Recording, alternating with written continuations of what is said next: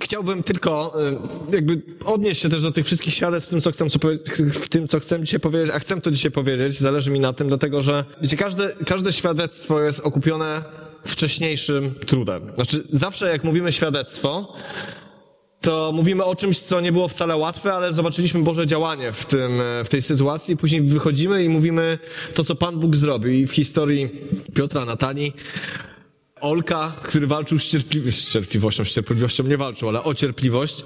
To są zawsze jakieś zmagania, jak, jakieś, jakieś, jakieś, jakieś batalie, które toczymy. I chciałbym dzisiaj się podzielić pokrótce takim słowem, ono nie będzie długie, ale o naszej walce, o tym, o tym, jak się zmagamy i jak zmagać się powinniśmy, jaką powinniśmy mieć postawę. Pierwszy list do Tymoteusza, czwarty rozdział, dziesiąty werset mówi tak. Trudzimy się bowiem i walczymy, dlatego, że złożyliśmy nadzieję w żywym Bogu, który jest zbawcą wszystkich ludzi, a zwłaszcza wierzących. Słowo Boże mówi, że trudzimy się i walczymy, dlatego, że złożyliśmy nadzieję w żywym Bogu. Moglibyśmy powiedzieć, że w momencie, kiedy zaczynamy ufać Panu Bogu, jakieś zmagania i jakieś walki będą toczyć się w naszym życiu z samego faktu, że idziemy za Chrystusem. Że sam fakt, że idziemy za Chrystusem generuje już pewnego rodzaju zmagania w naszym życiu. Dlatego, że Jezus sam powiedział, że kto chce iść za mną, to niech się Zaprze. Niech się nie oszukuje, że będzie wszystko pięknie, będą problemy. I, I apostoł Paweł był tego świadomy, że sam fakt pójścia za Chrystusem. I on tu nie, nie skaluje tego i nie mówi, że jakie pójście za Chrystusem, ale sam fakt pójścia za Chrystusem, podjęcia decyzji, idę za Chrystusem, już generuje w naszym życiu pewnego rodzaju walkę, e, jakieś, jakieś trudy, które, które się dzieją. I i walka i zmagania, z, i, i, myślę, że wszyscy tutaj możemy to powiedzieć, są częścią naszego życia. Może nie zbyt taką, którą e, chcemy przeżywać, ale, ale, ale to się dzieje w naszym życiu i jest to, jest to codziennością, bo życie tutaj na ziemi powoduje, że my się musimy zmagać z pewnymi rzeczami. Będzie taki czas, kiedy nie będziemy się zmagać, ale tutaj na ziemi zmagamy się i są różne etapy. Czasami jest troszeczkę lepiej, czasami jest troszeczkę mniej, ale nikt z nas nie jest wolny od zmagań. One zawsze jakieś są w naszym życiu.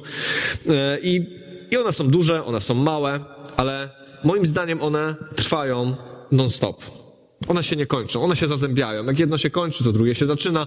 Coś, coś jest w tle, coś jest na pierwszym planie, ale zmagamy się z rzeczami w swojej głowie, zmagamy się z, z naszymi myślami, zmagamy się z ludźmi wokół nas. I to się dzieje, i to jest środowisko, w którym funkcjonujemy. I Biblia o tym mówi wielokrotnie. List do Efezjan 6:12 mówi tak. Nasza walka bowiem nie toczy się przeciwko krwi i ciału. Walczymy ze zwierzchnościami, z władzami, z zarządcami ogarniającej świat ciemności, z niegodziwymi zakusami duchowych sił na wysokościach nieba. Ten fragment jest taki, ło, z czym walczymy? Jeśli moglibyśmy powiedzieć, że że walczymy ze swoimi słabościami, ze swoimi problemami, ale Słowo Boże mówi o tym, że, że ta walka toczy się też na innym wymiarze, niż go widzimy. Że oczywiście my widzimy nasze problemy, widzimy nasze zmartwienia, nasze smutki, ale moim zdaniem Paweł trochę nam, nas tak podnosi w górę i pokazuje nam szerszą perspektywę, pokazuje nam z czym tak naprawdę się zmagamy, co jest powodem różnych rzeczy, różnych kłopotów, różnych, różnych walk, które toczymy i nazywa je po imieniu, że to są zwierzchności, że to są siły demoniczne, że to są rzeczy związane z tym, że świat że na świecie pojawił się grzech, że, że Pan Bóg został odrzucony i w związku z tym pojawiły się i postaci, i szatan, i wszystkie jego zastępy, ale, yy, ale po prostu walczymy z czymś duchowym, czego być może nie widzimy bezpośrednio, ale, ale to jest. I to jest fakt. Ja sobie zawsze zadawałem takie pytanie. Nie wiem, czy wy też. Jak sobie to przykładałem siebie, Dawida Rokitnickiego, do zwierzchności, z władzami, zarządcami ogarniającej świat ciemności, z niegodziwymi zakusami duchowymi, duchowych sił na wysokościach nieba, to jak czytam ten werset, to czuję się nawet nie taki, no czuję się malutki. Bo kim ja jestem, a kim jest to, co tutaj czytam? To jest, to jest wielkie, to są jakieś, jakieś zwierzchności, których my nie ogarniamy, których my nie rozumiemy, coś, co nas całkowicie przerasta i oczywiście jesteśmy ludźmi wyjątkowi w Bożym stworzeniu, ale pod względem potęgi, siły, mocy, ciągle niczym przed, przed tym, z czym walczymy, z czym się zmagamy, z czym jesteśmy w konflikcie. I czy jesteśmy w stanie osobiście, indywidualnie toczyć zwycięski bój z tymi rzeczami? Czy, czy wyrwani z kontekstu, wyrwani z, yy, ze świata, ja czy ty jesteśmy w stanie stanąć przed tymi zwierzchnościami i toczyć zwycięski bój? Ja sobie często zadawałem to pytanie, bo oczywiście to brzmi bohatersko. To brzmi, jeżeli byśmy mieli popatrzeć na jednostkę, to brzmi to bardzo bohatersko, że oto jeden wspaniały chrześcijanin przeciwstawia się zwierzchnością na wysokości nieba, walczy z nimi, zmaga się z nimi, no i oczywiście jak w każdym dobrym filmie pokonuje je. Po prostu jak Goliat, e, jak Dawid Goliatowi obcina im głowę. I to jest coś, co byśmy wszyscy chcieli, czego wszyscy pragniemy. Ale myślę, że Słowo Boże nam mówi o tej duchowej walce też w pewnym kontekście. E, I przeciwnik, który tu jest nazwany, który jest duży, który jest potężny, który jest wielki, ma przeciwko sobie nie tylko pojedynczego człowieka. Nie tylko Dawida Rokitnickiego, Piotra Cygonia, Natalię Nowak, Olka Stasiewicza, tylko ma przeciwko sobie zupełnie większy i wspanialszy organizm niż tylko poszczególnych ludzi, którzy zaufali Chrystusowi. My jesteśmy wyjątkowi. My jesteśmy wspaniali, my jesteśmy w Bożych rękach, ale ta walka, która się toczy, nie toczy się indywidualnie między nami, a tymi zwierzchnościami, ale wierzę w to głęboko, że toczy się między tymi zwierzchnościami, a ciałem Jezusa Chrystusa, którym jest Kościół.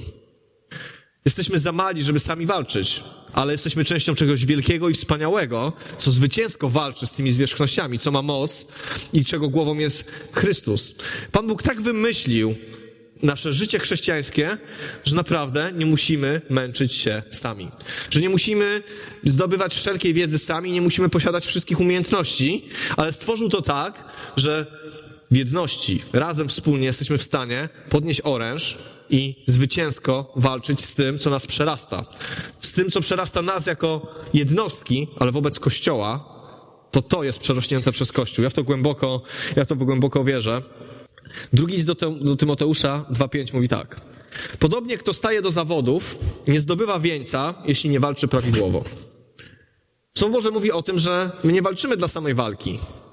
My nie walczymy po to, żeby po prostu walczyć, że naszym powołaniem jest walka, że my cały czas musimy walczyć dla samej walki, że musimy się szarpać, musimy się tam gnieść, siłować z tymi wszystkimi zwierzchnościami, bo nie chodzi o to, żebyśmy tylko walczyli. Jest tutaj napisane, że kto nie walczy prawidłowo, nie otrzymuje wieńca. Więc my nie tylko mamy sami się z tym wszystkim szarpać, ale my mamy walczyć prawidłowo.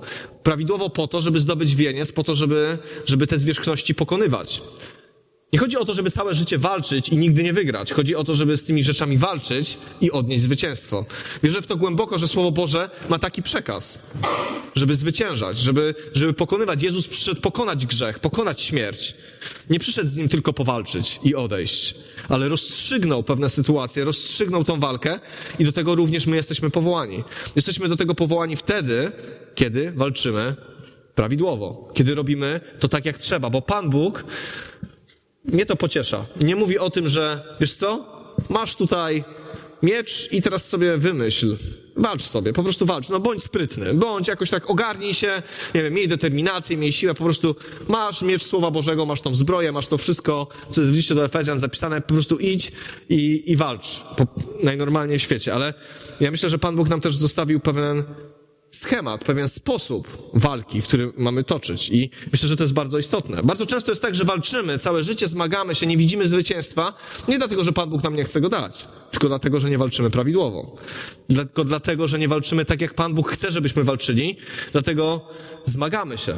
Wiecie, w Słowie Bożym jest napisane, że nic nas nie wyrwie z Bożej ręki, ani śmierć, ani aniołowie, ani potęgi niebieskie i tak dalej, i tak dalej, i tak dalej. Również to, co jest napisane w liście do Efezjan, to też nas nie wyrwie z Bożej ręki. Ale może się okazać, że, że następuje pewnego rodzaju pad, że ani my nie zwyciężamy tych sił i ciągle żyjemy w, w jakimś zmaganiu, w jakiejś potyczce, ani one nie mogą zmóc nas, bo jesteśmy Bożymi dziećmi i nie mogą nas wyrwać z Bożej ręki. I żyjemy w takim zawieszeniu, w ciągłej walce, w ciągłym, w ciągłym zmaganiu, gdzie za bardzo nie widać końca, gdzie ciągle, gdzie ciągle jesteśmy spoceni, pobrudzeni, gdzie ciągle musimy machać mieczem i, i nie widzimy końca tej walki. Ale wydaje mi się, że bardzo często jest tak dlatego, że nie bierzemy na poważnie słów, które Pan Bóg do nas mówi i nie walczymy tak, jak Pan Bóg chce, żebyśmy walczyli. Dlatego następuje impas. Jest takie, takie pojęcie jak wojna pozycyjna. No niestety mamy takie coś teraz na Ukrainie. Jeden okop, drugi okop, strzelają. To jest taka wojna na wyczerpanie. Kto ma więcej, kto więcej wystrzeli, kto ma więcej pieniędzy, kto ma lepszą gospodarkę, ten w dłuższym okresie wygra. Ale trup ścieli się gęsto, dlatego że w tych okopach siedzą ludzie, I oni tam są i tam realnie giną od tych pocisków, ale, ale nie ma żadnego, nie ma żadnego przełamania. Pierwsza wojna światowa polegała na tym, że ludzie przez cztery lata z uporem maniaka się zabijali. Biegli jedni na drugich, jedni na drugich i tak w kółko ginęli, ginęli, ginęli i nie było żadnego przełamania, nie było żadnego przełomu, o którym mówił Remek tydzień temu z tego miejsca. I to była walka. Oni ciągle walczyli. I ciągle byli tam bohaterscy żołnierze. I ciągle y, y, naprawdę zdobywali się na akty heroiczne, ale to nic nie przynosiło. Była walka, była krew, ale nie było żadnego zwycięstwa. Słowo Boże nas zachęca, żebyśmy walczyli prawidłowo. Ja wiem, że jest wiele różnych sposobów walki duchowej. Ja wiem, że na wiele różnych aspektów moglibyśmy dzisiaj spojrzeć. A jak chcę spojrzeć na taki bardzo ogólny, bardzo praktyczny i dotyczący nas wszystkich, niezależnie od tego, kim jesteśmy i jacy jesteśmy. Dziś do Rzymian 12 rozdział, 8 werset mówi tak. Podobnie my, w swej wielości stanowimy w Chrystusie jedno ciało. Natomiast każdy z osobna jesteśmy dla siebie członkami. Stosownie do udzielonej nam łaski mamy też różne jej dary. Czy to prorokowania do głoszenia na miarę wiary, czy usługiwania do służby z poświęceniem, czy to nauczania po to, by pouczać, czy też zachęcania po to, by podnosić na duchu. Kto wspiera, to hojnie. Kto przewodzi, to z zapałem. Kto okazuje miłosierdzie, to z całego serca. Słowo Boże nam mówi, że jest pewien porządek w Bożym Królestwie. I że skoro pojedynczy człowiek nie do końca jest w stanie skutecznie przeciwstawić się, żeby zwyciężyć tym zwierzchnością na wysokościach nieba, ale całe ciało Chrystusa, ciało Chrystusa wyposażone w wiele różnych członków ma tą moc, żeby zwyciężać, żeby pokonywać, żeby deptać, Kościół ma tą moc. Kościół jako, jako, jako ten zbiór ludzi powołanych przez Pana Boga jest pełen różnorodności. Słowo Boże mówi, podobnie wy w swojej wielości. W Kościele najpiękniejsze jest to, dla mnie osobiście, że jesteśmy absolutnie różni. Że jest nas wiele. Mamy swoje talenty, mamy swoje umiejętności, mamy swój poziom pasji, zaangażowania, każdy ma swoje zainteresowania, każdy ma te dziedziny, które go pasjonują, interesują. Mamy swoje talenty, które możemy wykorzystywać. I przez to, że jesteśmy różni, przez to, że, że jest, jest w nas tak dużo takiej różnorodności, jeżeli jesteśmy w Chrystusie, pojawia się też Boża jakość i te talenty stają się bardzo skuteczne. I my w swej wielości stanowimy w Chrystusie jedno ciało. Jedno ciało, które jest w stanie skutecznie walczyć. Jedno ciało, które jest w stanie przeciwstawiać się pewnym rzeczom. Wiecie, ja bardzo doceniam poniedziałkowe modlitwy, dlatego że bardziej niż kiedykolwiek wcześniej doceniam to, że kiedy my stajemy jako jedno ciało, modląc się o pewne pewne rzeczy, to po pierwsze nie czujemy się, że walczymy sami, ale po drugie możemy oglądać Boże zwycięstwo. Boże zwycięstwo. Możemy oglądać, że, że te zwierzchności, ten wróg, którego może nie widzimy, on jest pokonywany, bo my się wspólnie modlimy, bo walczymy prawidłowo. Stajemy jako jedno ciało ze swoją, ze swoją, w swojej różnorodności. Wiecie, często jest tak, że może dla takiego porządku organizacyjnego, może dla, dla takiego zarządzania ludźmi, może niewygodna jest różnorodność. Wiecie, jak sobie popatrzymy na wiele różnego rodzaju branż, albo chociażby na koncepcję korporacji, to w korporacji też chodzi o to, żeby mniej więcej tych ludzi wszystkich powciskać do, może inaczej. Nie jest ważna osobowość człowieka, ważne jest to, jaką funkcję pełni. On musi się podporządkować, musi się jakby zmieścić w to pudełko, na przykład kierownika. Kierownik ma być taki, taki, taki, taki, taki. Będziesz kierownikiem, jak będziesz taki, taki, taki i taki. Różnorodność nie zawsze jest w wielkich jakichś przedsiębiorstwach ważna. Ważna jest skuteczność, efektywność, ale w Bożym Królestwie wielką wartość ma to, że jesteśmy różni. Mamy różną, e, jakby to powiedzieć, różne różne podejście do niektórych spraw, że możemy, że możemy spojrzeć z różnych perspektyw, że mamy różne doświadczenia, jesteśmy w różnym wieku i to powoduje, że jesteśmy skuteczni. I Słowo Boże mówi o tym, że mamy różne dary łaski. Przyszło mi takie porównanie. I jest Piotr. Piotr był żołnierzem zawodowym, więc Piotr, jak będę mówił jakieś głupoty, to mnie od razu kontruj, ale Piotr był żołnierzem, więc będzie wiedział, będzie wiedział o co chodzi. Może oprócz jakichś republik bananowych gdzieś w Ameryce, nie wiem, łacińskiej albo w Afryce, nie ma takiej armii, niż są sami generałowie. Nie wiem, czy, czy ktoś kojarzy. Że na 30 tysięcy żołnierzy 29 to generałowie albo oficerowie. Stosunkowo jest tak, że generałów, powiedzmy, od marszałka, zależy jakie to jest wojsko, jest jeden albo dwóch generałów, jest dziesiątki, później pułkowników jest stosunkowo więcej, później jakichś tam majorów, kapitanów. Im niżej jesteśmy na dół, tym jest więcej tych stanowisk. I czasami czytając werset z listu do Efezjan, mówiąc, że toczymy wojnę z, nad z tymi wszystkimi zwierzchnościami, to nie wiem jak wy macie, ale ja zupełnie szczerze powiem, że ja widzę siebie. Że widzę siebie, że ja wyciągam ten miecz i ja tam biegnę, wiecie, w moich fantazjach, yy, pokonuję pewne rzeczy. I, I nie mówię, że tak nie jest, ale gdzieś dotarło do mnie, kiedy się też do tego przygotowywałem i ostatnio, kiedy się modlę, dotarło do mnie, że, że to nie jest bohaterstwo jednej osoby, że to nie jest heroizm jednostek. Bo oczywiście takie stanowisko jak generał czy ten wojownik na przedzie jest bardzo ważne i istotne. Ja nie chcę tego negować, bo historia Kościoła usiana jest bohaterami wiary, bożymi generałami, którzy robili rzeczy przełomowe, za którymi szli inni ludzie. To jest prawda. Każde pokolenie miało takich ludzi. Ale zauważcie, że jest ich stosunkowo niewiele w stosunku do chrześcijan na całej ziemi. Czy to znaczy, że inni chrześcijanie są niepotrzebni? Czy to znaczy, że każdy będzie generałem? Czy to znaczy, że każdy będzie bohaterem, który skoczy, e, skoczy w tłum z mieczem i jakoś tam się wywinie, odniesie zwycięską walkę? Uważam, że nie. Uważam, że będą tacy ludzie i być może na tym miejscu siedzą tacy ludzie z takim powołaniem, z takim obdarowaniem, z taką pasją dla Chrystusa i gotowi na poświęcenia. To prawda. Ale nie ma takiej armii, gdzie wszyscy są tacy sami. Cóż to byłby za kościół, gdyby wszyscy byli prorokami? Wyobrażacie to sobie? No wyobraźcie sobie teraz przez chwilę. Czy taki kościół, gdzie wszyscy są nauczycielami, a jest jedna kazalnica? Albo gdzie wszyscy są duszpasterzami, ale nie ma ludzi, którymi się opiekujemy. Wiecie, Kościół to różnorodność, Kościół to skomplikowany system. I ja chciałem jakby porównać to do armii, dlatego że to jest, skoro mówimy o walce i skoro mówimy o jedności, to armia jest najlepszym przykładem. Wiecie, nasza historia, historia Polski jest smutna. Ja no, często to mówiłem, ale ja jak studiowałem i miałem tą historię Polski, to zawsze mi było ciężko. Pasjonująca, jest ciekawa, ale jest pełna niestety bohaterskich, bo później dopisujemy do tego bohaterstwa, ale jednak porażek. Takich, takiej głupoty, czasami takiego niewyciągania wniosków e, i i było tak w pierwszej Rzeczpospolitej, że my mieliśmy dosyć ciekawą organizację armii. Mieliśmy coś takiego jak wojsko zaciężne, takie zawodowe, że tam król miał jakieś pieniądze, zawsze miał ich mało, więc zawsze ta armia była mała, ale on sobie wynajmował tak jakby żołnierzy. Oni byli płatni, oni byli wyszkoleni, oni byli karni. To było dobre wojsko. W Polsce zawsze go było za mało. No i druga część naszej armii to było tak zwane pospolite ruszenie. To znaczy, że każdy szlachcic, który tam miał herb, brał szabelkę, wsiadał na koń i dzida. Spotykali się gdzieś i szli na wojnę.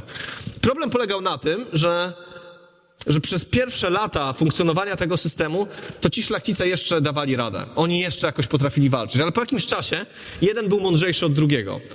Y, I to pospolite ruszenie zamiast być realną pomocą, to królowie później nawet ich nie zwoływali. Woleli tą garstką tych zawodowych żołnierzy pójść przeciwko wielkiej armii, niż zwoływać tych, tą szlachtę, dlatego że było więcej kłopotów niż pożytku. Dlaczego? Bo nie potrafili się podporządkować. Bo każdy myślał, że jest ważniejszy. Wiecie, nie chcę daleko szukać, ale pewnie wszyscy oglądaliście albo czytaliście Ogniem i Mieczem i tam na początku są takie trzy bitwy.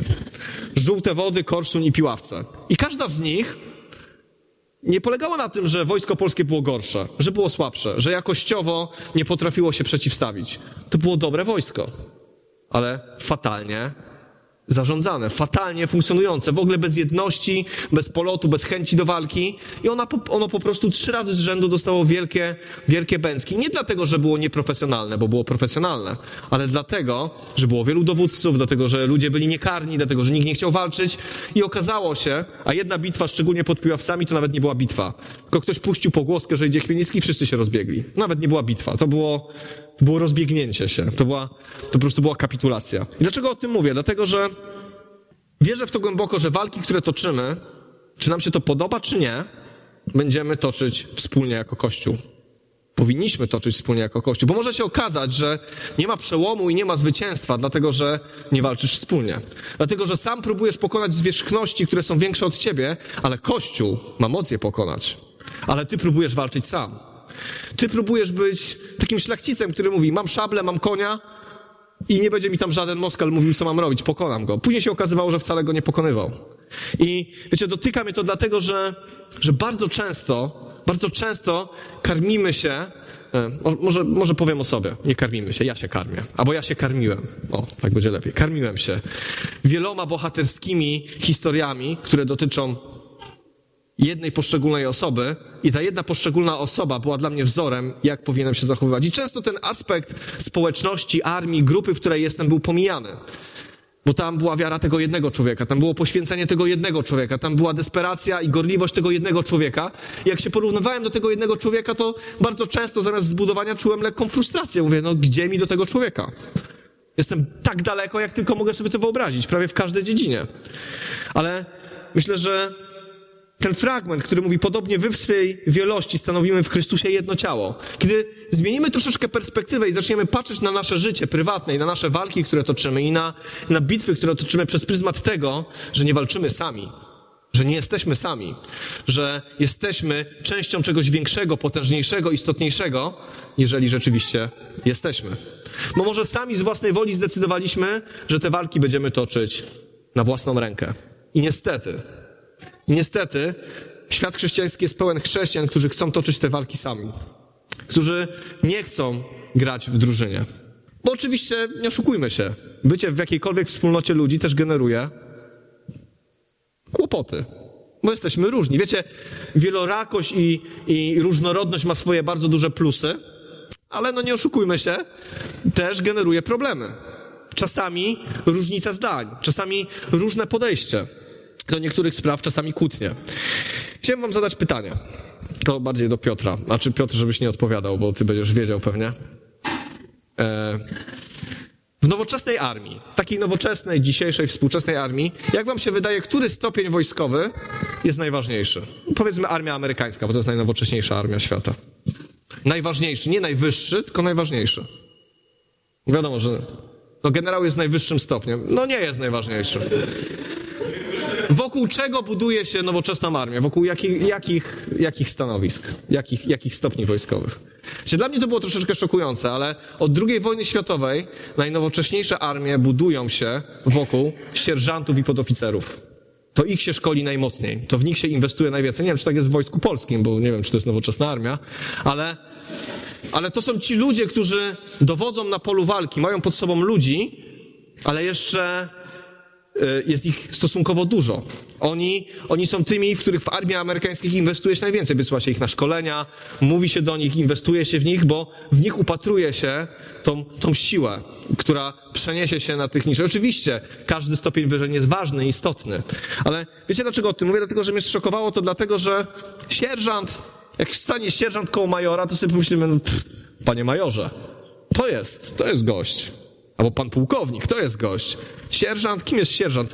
W filmach amerykańskich to tylko krzyczy na tych żołnierzy biednych, którzy robią te pompki, ale tak naprawdę, kiedy popatrzymy na sprawność w walce, kiedy popatrzymy na to, na czym opiera się cały system, to opiera się właśnie na mnogości tych sierżantów, tych podoficerów, którzy bezpośrednio z żołnierzami siedzą w okopach, którzy z nimi rozmawiają, którzy nimi dowodzą na polu walki, którzy razem z nimi cierpią i umierają. Na nich opiera się ten system. Oczywiście wszystkie inne stopnie są ważne. Dlaczego o tym mówię? Dlatego, że przyzwyczailiśmy się, nawet w naszym świecie chrześcijańskim, do hołbienia stanowisk dowódczych. One są bardzo ważne i należy się im szacunek, należy im się e, odpowiednie uznanie, należą im się odpowiednie prawa. To jest wszystko ważne. Ale, ale zapomnieliśmy też czasami o, to, o tym, że ja sobie tak czytałem ostatnio statystyki i one są dosyć stare. Ja, ja nie chcę mówić, że, że tak powinno być i nie, nie chcę mówić, że też my do tego jako Kościół chcemy dążyć, ale wiecie, jakich kościołów na świecie jest najwięcej? Tak procentowo, liczbowo. Takich poniżej 200 osób. To jest 90% chrześcijaństwa. 90% wszystkich chrześcijan na świecie, albo 85, coś koło tego, to są stosunkowo nieduże kościoły, nieduże społeczności. I zacząłem szukać, dlaczego tak jest. Bo wiecie, bo, bo są mega kościoły, są potężne kościoły. Wiecie, tam w Seulu jest kościół, który ma 100 tysięcy osób. Ja nie potrafię tego zrozumieć, jak oni się tam spotykają. 100 tysięcy osób. Ale 90% chrześcijan funkcjonuje w niedużych społecznościach. Dlaczego? Dlatego, że nie ma wielkich kościołów tam, gdzie, gdzie są. W Stanach też 85% wierzących ludzi spotyka się w stosunkowo niedużych kościołach, chociaż tam są wielkie kościoły. Dlaczego? Dlatego, że w małych kościołach jest ta bliskość jest wspólna modlitwa. Dlatego, że w małych kościołach możemy czuć, że jesteśmy jednością, że razem idziemy na front, że razem siedzimy w okopie, że, że czujemy zapach tego prochu wszyscy, że jesteśmy sobie bliscy, że się o siebie modlimy, że się wspieramy, że możemy sobie pomóc w trudnych, kryzysowych sytuacjach. I oczywiście niech Kościół rośnie, niech będzie jak największy. Niech nasz Kościół będzie jak największy. Ale chodzi mi o to, że jak bardzo ważni jesteśmy my. Jak bardzo ważny jesteś ty i ja w kościele.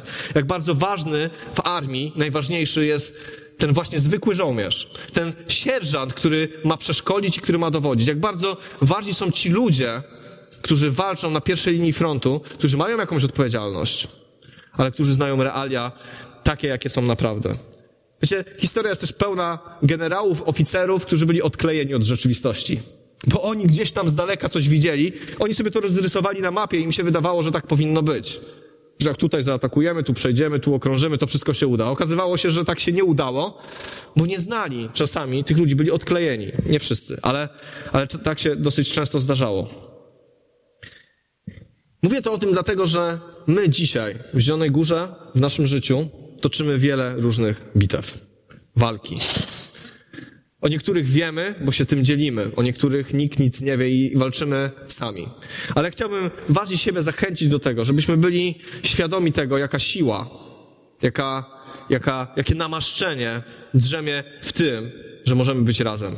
Jakie, jakie namaszczenie drzemie w tym, że być może w naszej mnogości, w naszych talentach będą konflikty, będzie różnica zdań, ale możemy realnie wygrywać. Że możemy realnie wygrywać, bo wiecie, chodzi o to w naszym życiu chrześcijańskim, żebyśmy realnie wygrywali.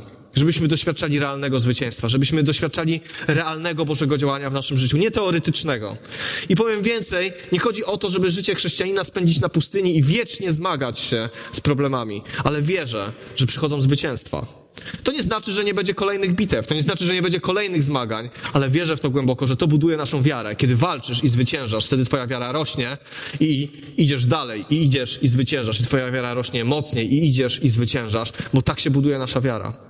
Wiecie, nie garćmy sobą samym, nami samymi. Ja wierzę w to głęboko, że, że, że w tym, kim jesteśmy, w tym, co Pan Bóg włożył w nasze serca, to jakie Pan Bóg dał nam obdarowania, drzemie naprawdę wiele wspaniałych rzeczy. Jeszcze wiele nieodkrytych. Jakże pasjonujące będzie odkrywanie tych rzeczy. Kiedy pomyślisz sobie, że Twój talent jeszcze jest niewykorzystany, dlatego że nie wszczepiłeś się w to ciało. Może jeszcze nie podzieliłeś się swoim sercem. Może w cudzysłowie, nie chodzi o to, żeby wszyscy chodzili, chociaż chciałbym, żeby chodzili na modlitwy, ale to jest przykład dobry. Może nigdy nie byłeś na modlitwie i nie otworzyłeś swojego serca, nie powiedziałeś, jakie toczysz walki, żeby ktoś za tobą stanął. I może nawet nie wiesz, jakie to ma wielkie znaczenie. Taka prosta modlitwa, że ludzie pomodlą się trzy minuty i powiedzą amen i ty poczujesz, że nie jesteś sam. Wiecie, to są potężne rzeczy, które mamy tu i teraz, dzisiaj do dyspozycji. Bo to, że toczymy walkę z nadziemskimi, że, przepraszam, zawsze mi się to myli, z zwierzchnościami, z władzami, z zarządcami ogarniającymi świat ciemności, to jest pewne. To się dzieje w twoim życiu to się dzieje w moim życiu. My te walki toczymy. Pytanie jest takie, czy toczymy je zwycięsko i czy walczymy tak, jak powinniśmy. Ja dzisiaj chciałem zadać to pytanie tobie, sobie, każdemu z nas, żebyśmy w tym właśnie aspekcie społeczności, jednego ciała, tej armii, która jest skuteczna. Jeszcze taką jedną może statystykę wam powiem, to jest też ciekawe moim zdaniem, więc wam, się z wami z tym podzielę. Jak już tak mówimy o tych nowoczesnych armiach, to w armii amerykańskiej już od czasów II wojny światowej, jak myślicie, ile żołnierzy przypada na jednego żołnierza, który walczy na froncie? Wiecie, bo armia to nie są tylko ludzie, którzy trzymają karabin. Na jednego żołnierza, który od czasów II wojny światowej tam siedzi z tym karabinem w okopie z dziesięciu, dziesięciu, którzy realnie na niego pracują.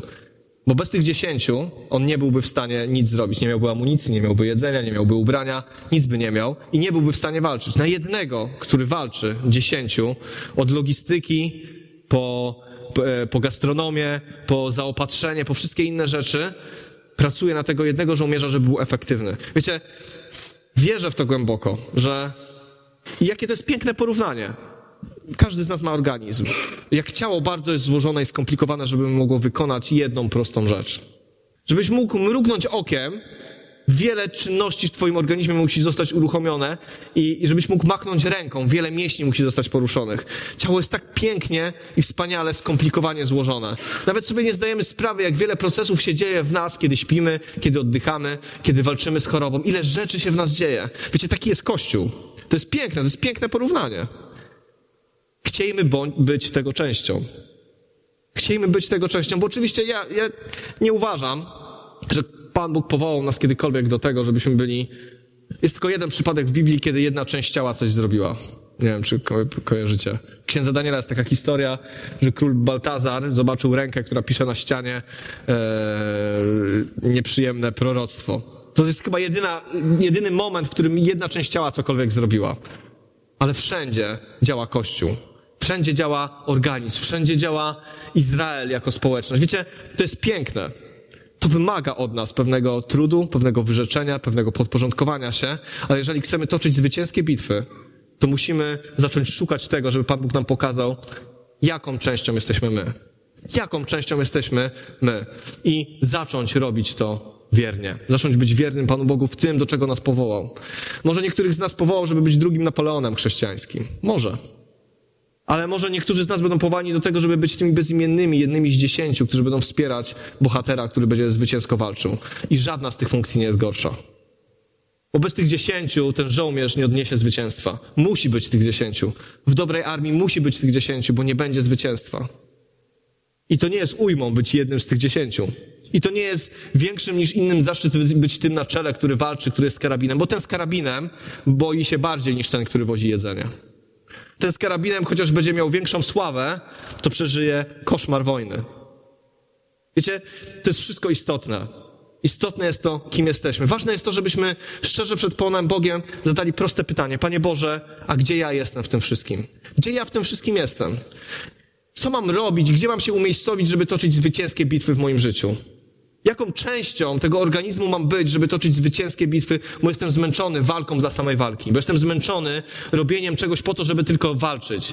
Chcę zwycięstwa, ale musimy sobie zadać to pytanie, zadać to pytanie Bogu, Panie Boże, ale gdzie Ty mnie widzisz? A później z pokorą, z dziękczynieniem i z gorliwością, tak jak tu jest napisane, zacząć robić to, do czego Pan, Pan Bóg nas powołał.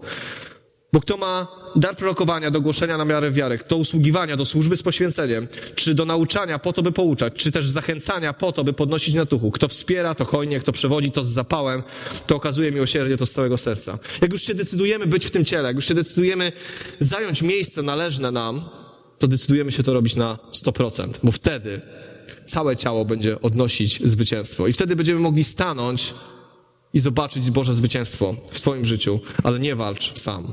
Ja nie chcę walczyć sam. Apostoł Paweł na koniec liście do Filipian w pierwszym rozdziale, 27 wersecie mówi tak. Tylko postępujcie jak ludzie wolni. Ludzie wolni to tacy, którzy mogą sami podjąć decyzję. Wolny człowiek robi to, co uzna, że jest słuszne. Jako ludzie wolni w sposób godny dobrej nowiny o Chrystusie. Tak, abym niezależnie od tego, czy przyjdę i was zobaczę, czy też jako nieobecny tylko was usłyszę, wiedział, że stoicie w jednym duchu, jednomyślnie, ramię w ramię, walczycie w wierze podanej w dobrej nowinie. To było piękne życzenie Pawła w stosunku do kościoła Filipi. Żebyście jako ludzie wolni, którzy sami podejmują decyzję, podjęli tą decyzję, że staniecie ramię w ramię. Będziecie wspólnie walczyć, bo to jest wspólna walka. Bo Kościół, bo Chrystus powołał nas do życia w społeczności. Czy tej? Nie wiem. Ja wierzę w Kościół Jezusa Chrystusa. Budujemy tą społeczność, tutaj jesteśmy. Ale wierzę w Kościół Jezusa Chrystusa, który jest Kościołem Jezusa Chrystusa. Czasami, chociaż my lubimy y, szyldy, lubimy denominacje, ale wierzę, że w niebie będą też inne wyznania, nie tylko zielonoświątkowcy. Pan Bóg powołał nas do życia w Kościele, do życia w społeczności, do życia w ciele, bo tylko ciało będzie realnie, ciało, którego głową jest Chrystus, będzie realnie odnosiło zwycięstwo. Więc zachęcam was, tak jak Paweł, żebyśmy stanęli w jednym duchu, jednomyślnie, ramię w ramię i walczyli w wierze podanej w dobrej nowinie. Walczyli razem. Wiecie, czasami zdarzy się tak, że ktoś osłabnie, ale jak idziesz ramię w ramię, to widzisz, że ktoś słabnie. Jak ktoś stoi obok ciebie i mdleje, to go podniesiesz. Ale jak stoi gdzieś daleko, 30 metrów dalej, to zemdleje, a ty masz swoje sprawy i nawet tego nie zauważysz. Wiecie, w naszym interesie, w naszym interesie jest to, żeby być blisko, żeby być ramię w ramię. Żeby jak upadniemy, to ktoś nas podniesie. Ale jak ktoś od, obok nas upadnie, to ktoś inny nas podźwignie. Jakie to jest bardzo ważne, żebyśmy walczyli razem. Nie walczmy sami. Nie walczmy sami, walczmy prawidłowo. Wykorzystajmy tą wspaniałą rzecz, którą dał nam Pan Bóg, że dał nam Kościół, dał nam siebie. Spojrzyjmy na to przychylnie. Wiecie, ja wiem, że my, szczególnie jako kościoły ewangeliczne, to mamy taką Nie, może przez to, że nie mamy inkwizycji. Mamy jakąś taką niesamowitą podatność na kłócenie się, na jakby na takie, wiecie, dzielenie się w nieskończoność i to jest fatalne. To jest fatalne, bo to odbiera Bogu chwałę. Ja wiem, że jest wiele rzeczy, które są trudne. Czasami się kłócimy o jakieś rzeczy teologiczne, zmagamy się, i róbmy to, bo to jest ważne, żebyśmy dyskutowali ze sobą, ale z drugiej strony spójrzmy z taką ufnością i z wiarą na to, czym Kościół jest i korzystajmy z tego, czym jest, bo oczywiście my jako ludzie tworzymy ten Kościół, a my jako ludzie jesteśmy nieidealni. Ale to od nas zależy. Jako ludzie wolni, czy mimo tego, że ktoś cię denerwuje, to staniesz obok niego, bo przypomnijmy sobie, o co walczymy. Nie walczymy o to, żeby nam się lepiej powodziło tu na ziemi. Nie walczymy o to, żebyśmy mieli, byli lepszym kościołem od innego w Zielonej Górze, ale walczymy o to, żeby Chrystus, żeby dobiec zwycięsko, żeby ci, którzy są wokół nas, byli z Bogiem, żeby ci, którzy jeszcze nie poznali Chrystusa, byli zbawieni. Walczymy o wieczność, walczymy o rzeczy wielkie i potężne. I nawet jak ten, który obok ciebie stoi, cię denerwuje, to pomyśl sobie, o co walczysz. Zacznij błogosławić, modlić się i po chwili staniecie się e, braćmi. Stajecie się tymi, którzy razem walczą. Jest taka, taki serial i taka książka, na podstawie której ten serial powstał, ona się nazywa Kompania Braci i tam jest napisane tak pięknie, na koniec, ja nie mam tego cytatu z głowy, powiem, że, że nie ma takich więzi, nie ma takiego, takiej jedności, takiej bliskości jak wtedy, kiedy ludzie razem żyją i umierają, kiedy dzielą razem okop, kiedy razem dzielą chleb, kiedy wspólnie walczą. Wtedy rodzi się prawdziwa jedność, kiedy wspólnie walczymy. Rodzi się prawdziwa jedność. Przestajemy patrzeć, czy ktoś nas denerwuje, czy nie, bo pocisk, który leci, może zabić i ciebie, i mnie. Robimy wszystko, żeby przetrwać, żeby zwyciężyć. To jest bardzo ważne. Zachęcam was do tego. Chciałbym, żebyśmy się teraz pomodlili. Chciałbym, żebyś teraz stanął przed Panem Bogiem i zadał sobie to pytanie. Po pierwsze, jakie walki toczysz, a po drugie, żebyś też tak szczerze przed sobą powiedział, czy walki, które toczysz, nie masz w nich zwycięstwa, bo walczysz nieprawidłowo. Czy tak rzeczywiście jest? Bo być może Pan Bóg Cię powołuje Cię, żebyś stanął w miejscu, w którym powinien stać, które jest przeznaczone dla Ciebie. Stanął w szyku, został tym członkiem, tym, tą częścią ciała, która rzeczywiście będzie realnie i skutecznie walczyć i odniesiesz zwycięstwo w swoim życiu. Panie Boże, dziękuję Ci za to, że jesteśmy tutaj dzisiaj, Panie, jako Twoje ciało, Twój Kościół, Panie. Możemy stać, Panie, bo Ty nas jednoczysz, Boże. Widzisz różnorodność, która jest w nas, Panie. Czasami różnorodność dobrą, czasami różnorodność złą, Panie, ale dziękuję Ci za to, że jesteśmy tutaj dlatego, Panie, że to Ty nas łączysz, Panie. Jesteśmy tu dlatego, że spotkaliśmy Ciebie jako, jako naszego Pana i Zbawiciela, Panie. Dziękuję Ci za to, że my, Panie, dzisiaj stoimy przed Tobą w jedności Panie, bo chcemy pełnić Twoją wolę, Panie, bo chcemy Tobie służyć, Panie, bo chcemy odnosić zwycięstwa w naszym życiu, Panie. I dziękuję Ci za to, że dałeś nam siebie nawzajem. Dziękuję Ci za to, że możemy razem, Boże, wołać, modlić się, opowiadać świadectwa, budować się, wspierać, po to, żeby odnosić zwycięstwa. Dziękuję Ci za to, że powołałeś nas do tego, Panie, żebyśmy zwyciężali. Dziękuję Ci za to, Panie, że razem, Panie, kiedy jesteśmy zjednoczeni wokół Ciebie, Panie, Kościół ma moc, Panie, której nic nie powstrzyma. Panie, dziękuję Ci za to, że należymy do Ciebie. Dziękuję Ci za to, Panie, że Ty nas wszczepiłeś, Panie, że nas usynowiłeś i że możemy należeć do Ciebie, Panie. Tak bardzo Ci za to dziękuję, Boże, że jesteśmy ukryci w Tobie, Panie. Dziękuję Ci za to, Boże, z całego serca. Panie, też proszę Cię teraz o każdą osobę na tym miejscu, Panie. Proszę Cię, Duchu Święty, żebyś Ty przemawiał, żebyś Ty objawiał, żebyś Ty pokazywał, Panie. Żebyś Ty nam pokazał, Panie, jakie miejsce przeznaczyłeś dla nas, Panie. Panie, gdzie Ty nas widzisz, Panie. Chcemy pełnić Twoją wolę i często o tym śpiewamy, Boże, że chcemy pełnić Twoją wolę. To proszę Cię, Panie, pokaż nam miejsce w Twoim ciele, Panie. Pokaż nam miejsce, Boże, w szeregu. Pokaż nam, gdzie jesteśmy w Twoich planach, Panie. Bo chcemy tam wejść, Boże. Bo chcemy z pokorą, Boże, pełnić tą rolę, do której nas powołałeś, Panie. Dziękuję Ci, że nikt nie jest mniejszy, Panie, i nie jest nikt większy w Twoim królestwie, Panie. Dziękuję Ci za to, że powołałeś Kościół, Panie, jako cudowny mechanizm, Panie, żeby cudowną machinę, Panie, żeby zwyciężała, Panie. Proszę Cię o to, Panie, żebyśmy potrafili stanąć w tym miejscu, Boże. O, Panie, widzisz, że jesteśmy zmęczeni czasami walkami, które toczymy. Widzisz, Panie, te wszystkie sytuacje, w których, Boże, jesteśmy już zmęczeni, Boże tym, że walka trwa i trwa i trwa, Panie, nie widać końca, Panie. Tak prosimy Cię, Duchu Święty, żebyś nas poprowadził, Panie, żebyśmy zaczęli toczyć zwycięskie bitwy w naszym życiu, Panie.